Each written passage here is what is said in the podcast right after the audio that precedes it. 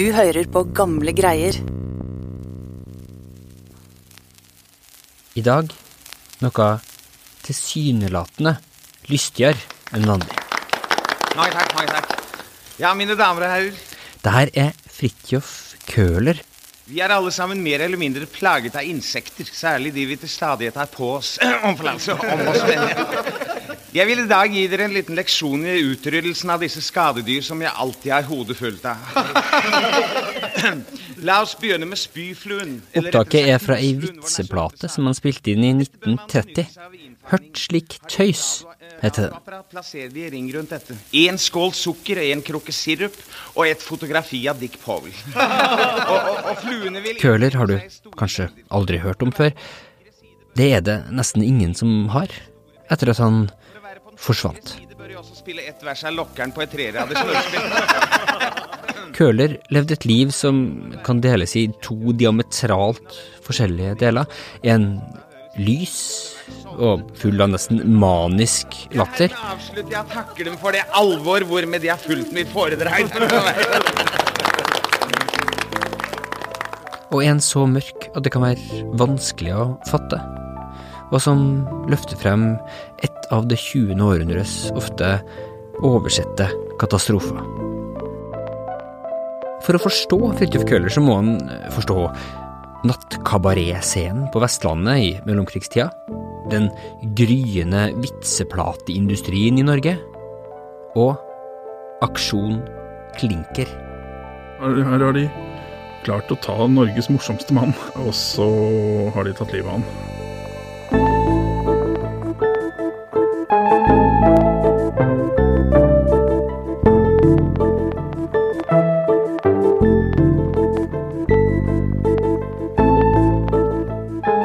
Askild Matre Aasarød. Jeg sitter i kjelleren under Nasjonalbiblioteket og leter frem dunkle drama og glemte liv fra Norges historie.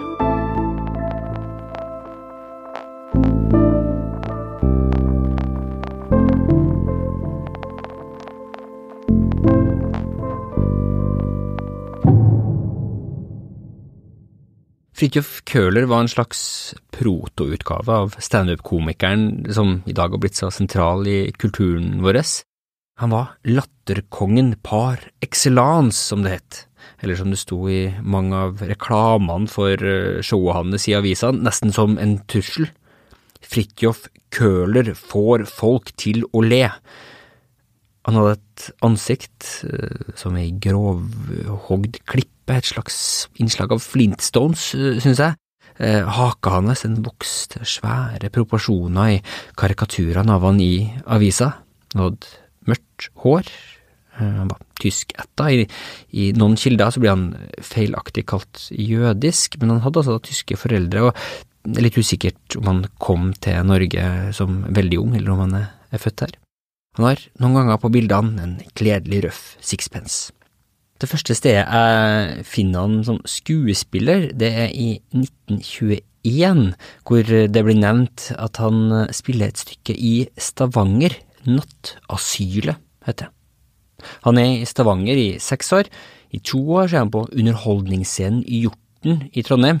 Der gifter han seg altså for eh, første gang. Før han ender i Bergen, blant annet på Det Norske Teatret, hvor han skal ha vært den eneste komikeren der. Så reiser han til Oslo og teatret Søylen, en forgjenger til Edderkoppen teater i dag. Og alt våren 1938 så ble han satt som instruktør på et teaterstykke, Arven, som får en aldeles forferdelig slakt i Dagbladet. Menneskene må ha blitt igjen på Det Norske Teatret. De er ikke å finne i den flokken av huiende dilettanter som overdøver hverandre med skingrende stemmer i forestillingen på Søylen. Til spott og spe for Fridtjof Køhler, som oppgis som sceneinstruktør. Det her bondestykket er en fornærmelse både mot scenekunsten og Vestfold fylke. Ifølge anmelderen, i alle fall. Men der Køhler ikke klarte å fange anmelderstanden, så hadde han en eller annen umiskjennelig sjarme som publikum likte så utrolig godt. Alt lenge før fadesen på Søylen så hadde han begynt å spesialisere seg på korte vitser på scenen, små sketsjer, det vi i dag vil kalle standup. I 1930 så spilte han inn den første av en rekke vitseplater på grammofon for plateselskapet His Master's Voice. Det ble hans største claim to fame, som det heter på godt norsk, over hele landet. Her en smakebit. Med tårer i øynene tok jeg torsken under armen og gikk hjem og skrev et lite poesetisk dikt om fiskene. Jeg har kalt det for Fiskegratengen. Det høres nemlig så utenlandsk ut. Nå skal dere få høre det. O bolde sei, hvor trist du ser på meg.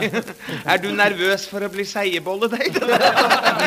Du har en føflekk på det venstre øyet. Har du da ondt mitt åsinn å fordøye?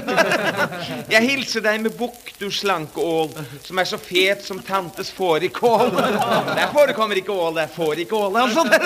Bare det å høre et eller annet han gjorde, hva som helst, nesten var underholdende. Bare latteren hans. Et av de uendelig mange tilnavnene han fikk, var derfor Mannen som ler. Et annet var den kjente grammofonkomiker. Om han ikke slo igjennom som seriøs skuespiller eller regissør, så var eteren og avisene etter hvert full av Curlers stemme, annonser for showene hans og intervjuer og notiser. Er hun ikke søt? Fridtjof Køhler spiller den unge, søte damen i den nye farsesuksessen Jutta fra Calcutta. Ja. Ja, men det, står, ja, men det står der virkelig det Gårdslund gjør bak ring. Å, å nei, det gjør den ikke! Køhler som lager en riktig morsom parodi på en amatørdikter i en grønnsaksbutikk. Det ikke å ta på hodet. Har de hørt sånt, Theis?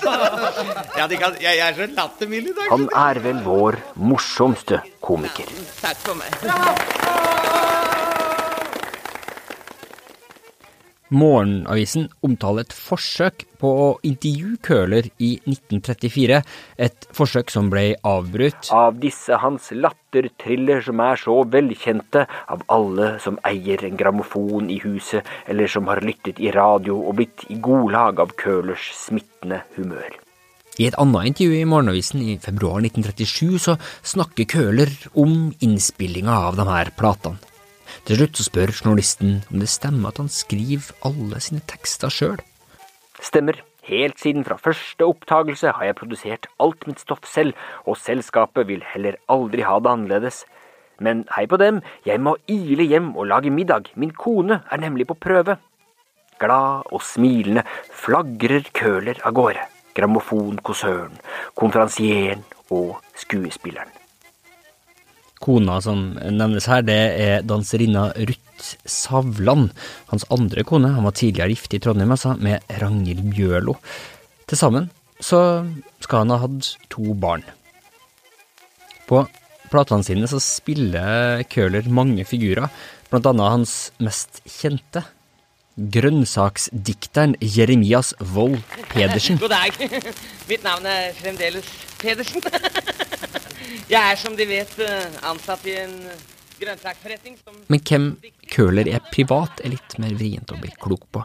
Det som fortelles om han, det er åpenbare skrøner, som i et intervju om curler gjort med Halvdan Fyn i eh, Asker og Bærum Budstikke i september 1938. For mange år siden var jeg sammen med curler i Bergen, og der traff vi noen flyvere. Riktige flyveoffiserer. Vil de bli med opp og fly? spurte den ene av dem. Selvfølgelig, sa Køhler, men vi skal langt, sa flyverne. Jo lengre, jo bedre, sa Køhler. Vi reiser med en gang, sa flyverne. Jeg er klar på flyvende flekken, sa Køhler. Etter 14 dager fløy han med hodet ned og benene opp som den reneste ekvilibristiske Richthoven. Eller som den her strengt tatt svært dystre fortellinga også fortalt av Fyn. Mens vi var i Bergen, le Køhler en aften av ulykkelig kjærlighet. Hva skal jeg gjøre, sa han til meg. Ja, sa jeg, spottefugl som jeg den gang vitterlig var. I dette tunge tilfellet synes jeg ikke du skal gjøre stort annet enn å kaste deg ut av vinduet.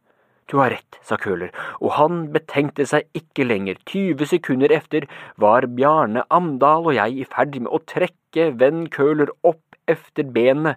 90% av mannen befant seg i fri luft utenfor et av vinduene i øverste etasje i Eldorados seksetasjers gård i Bergen. Ja, en kan kanskje tro at det er en smule overdrevet. Men uansett hvem han var privat, på scenen så var han en av Norges mest kjente stemmer. Men så, 18. oktober 1940, så står den siste annonsen for en av hans opptredener på trykk. I Sigurds Teater Nattkabaret i Bergen, der han helt øverst på plakaten uten forbehold omtales som Norges morsomste mann. Så er Fridtjof Køhler borte.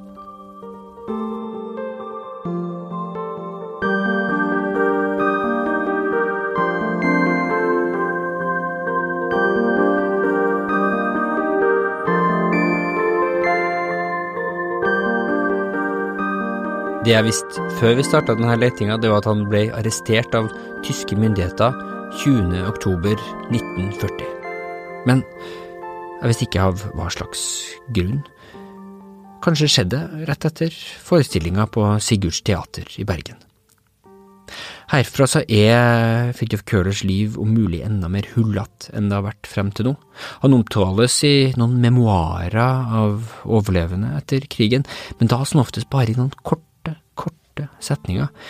I ei memoarbok av Torleif Karlsen, en politimann som ble arrestert av tyskerne, så omtales et møte med Køhler om bord på en fangebåt på Vestlandet som frakta fanger sørover.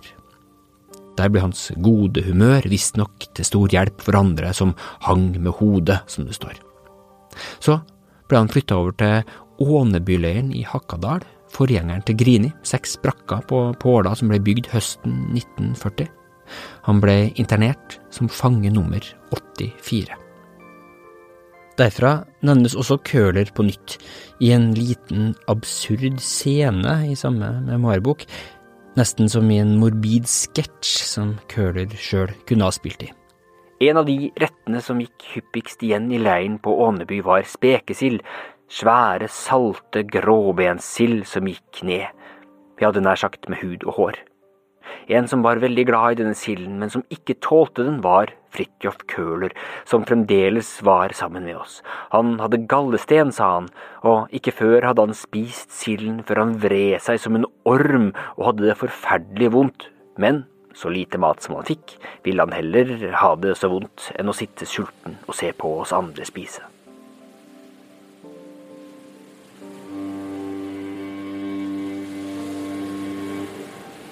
27. april 1941 så begynte den første ordinære transporten av norske fanger fra Grini til Tyskland. Der var Fridtjof Køhler med om bord på skipet Monterossa. Det var den samme båten som senere, sammen med Donau, kom til å frakte norske jøder ut av Norge.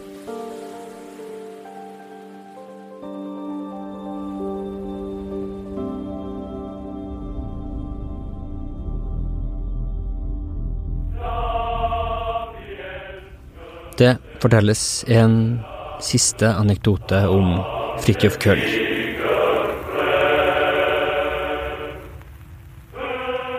Den handler om eh, den første 17. mai-feiringa i Sachsenhausen, og er gjenfortalt bl.a. i Einar Gerhardsens memoarer. Under feiringa så reiser Arnolf Øverland seg og leser dikt. Gerhardsen taler.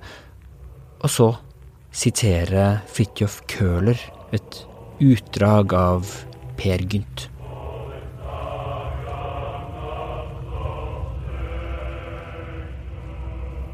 Vi vet ikke hva det var han siterte. Var det sledeturen med Moråse? Var det å ville det, å ønske det, men å gjøre det? Det får vi aldri vite. 23. november 1942 sto Fridtjof Køhlers dødsannonse i Bergenstidene.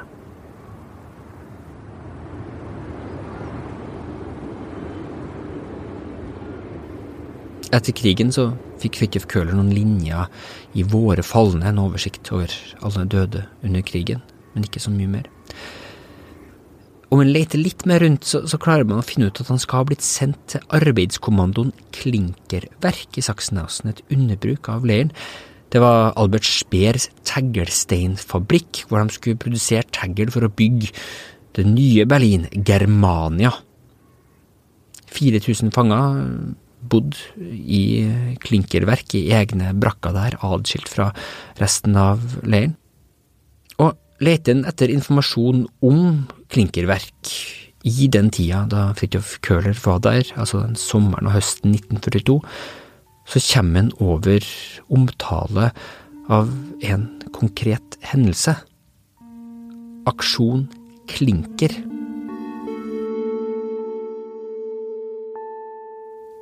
Hendelsen hvor homofile i Sachsenhausen ble utrydda. Yeah, well, the one you mentioned is significant. her er Robert Beachy. Han eh, forsker på homofil kulturs fremvekst i Tyskland. Han har blant annet skrevet boka Gay Berlin, som du kanskje husker fra episoden vi laga om Ebbe Hertzberg, Norges første homofile mann.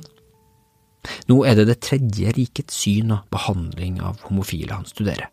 The SS developed a practice of um, placing all paragraph 175 inmates, those who'd been prosecuted under this anti-sodomy statute, um, in barracks together. So they were they were sort of isolated together. They were, and then they were kept apart from other prisoners, and um, it was also the case then by I think maybe 39 or 40 in Sachsenhausen. They were also uh, required to wear um, the so-called pink triangle. Og under det som noen også da har kalt Aksjon Klinker, så tas denne forskjellsbehandlinga et steg videre. It really transforms the, I guess we might say the homosexual population of Sachsenhausen. I mean, Beachy lener seg tungt på forskninga til en tysk forsker, Andreas Sternweiler, når han snakker om sjølve utryddelsen. Um, it, it takes place in 1942, and this is this is when your um, your subject was was killed as well. And at that point, almost all of the homosexual inmates of Sachsenhausen are are either killed or euthanized. Og klinkerverk var et sted hvor mange homofile ble sendt for å utryddes, sammen med en annen underkommando. It was called the Schuhläuferwerk, I think, and these these poor souls were required to walk, um, I think, around a track um, up to 25 or 30 kilometers a day, wearing different kinds of shoes, and they were supposed to be testing the shoes. A large number of homosexuals were always assigned to these two work commandos, and these were the this was the worst fate, I think. Utryddelsen av homofile i leiren foregikk altså spesielt i de seks ukene den sommeren Fridtjof Køhler tilbrakt noen av sine siste dager der.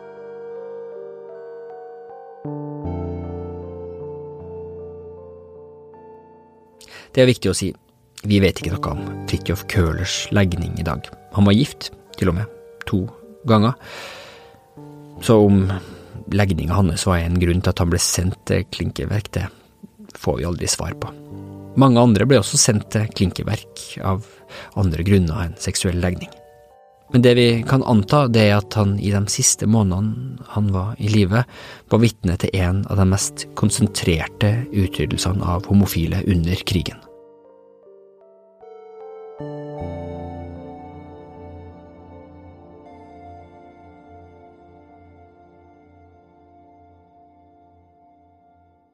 Oh, there was.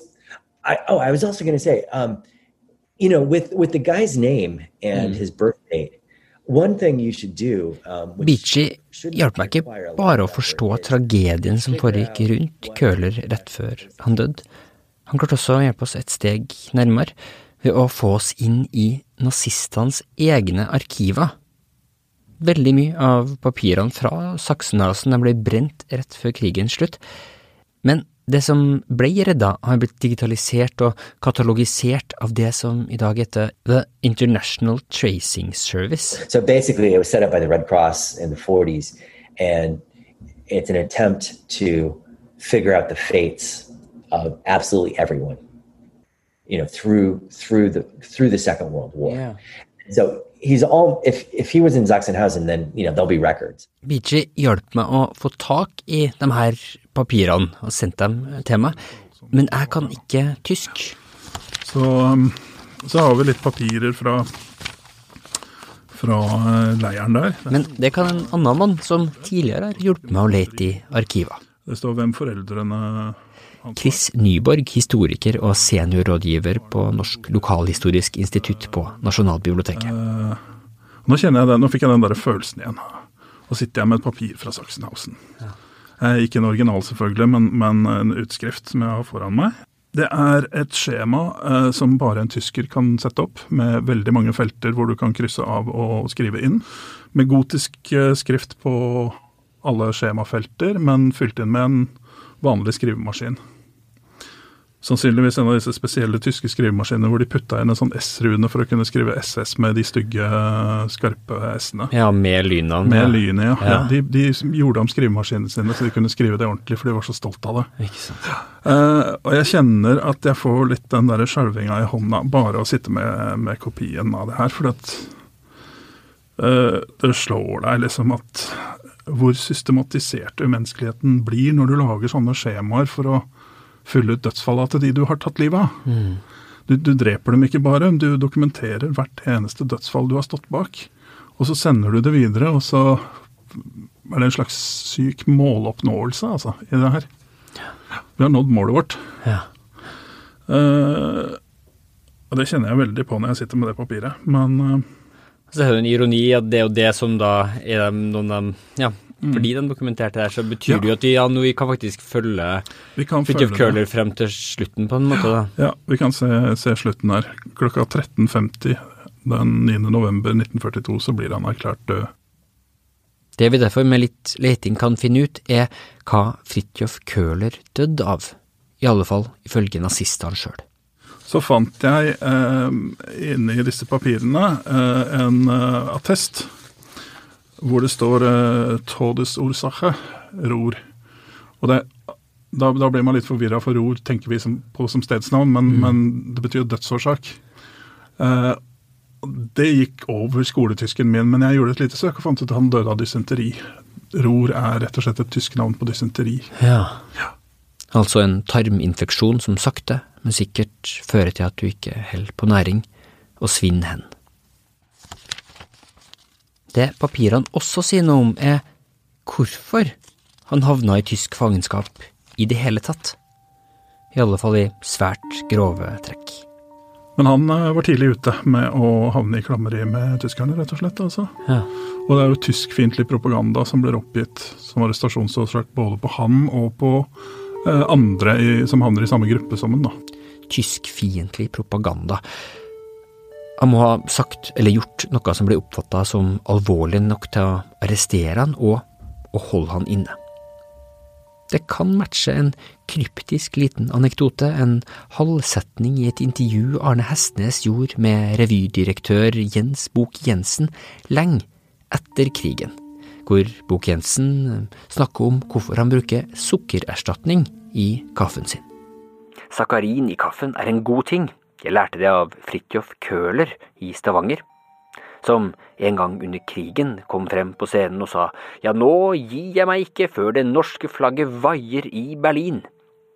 Nå ja, jeg har forresten sluttet å røyke for godt for to uker siden. Kanskje en sånn uttalelse fra scenen var nok? Eller kanskje det var noe annet som vi ikke vet om? Som gjorde at Fridtjof Køhler ble en av de tidligste norske fangene under krigen. Det vi ikke klarer å komme til bunns i ved hjelp av de her papirene, hvorfor Fridtjof Køhler ble sendt til klinkeverk.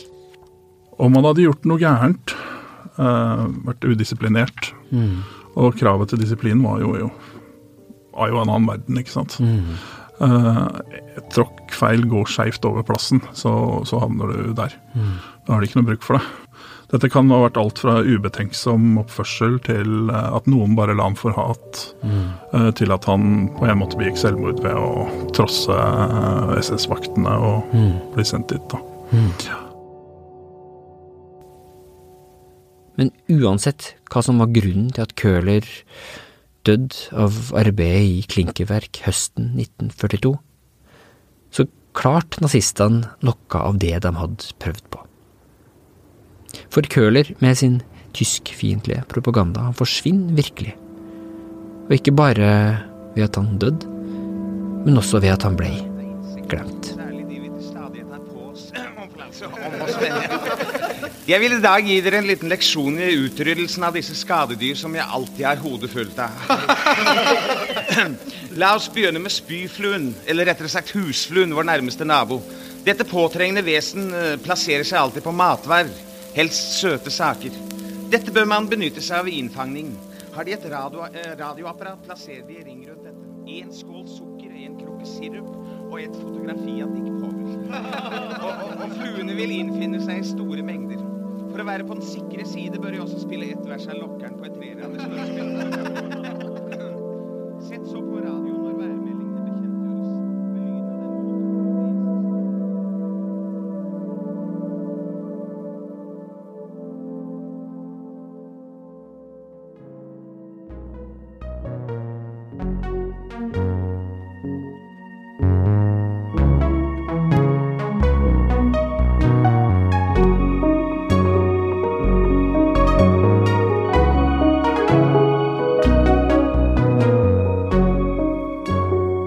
var alt i denne episoden. Tusen takk til Rikard Jems, leder for musikkseksjonen på Nasjonalbiblioteket, som var den første som tipsa meg om Køhler. Vil du høre mer av Fridtjof Køhler sin standup, så ligger den åpent ute på nb.no. Du kan søke deg frem gjennom musikksamlinga, eller følg linken i artikkelen til denne episoden, som du finner under Historier fra samlingen. Musikken til Gamle greier er spesialkomponert av Therese Aune. Hun finner du på thereseaune.com og på din lokale strømmetjeneste. Gamle greier er laga for Nasjonalbiblioteket. Jeg heter Askild Matre Aasarød.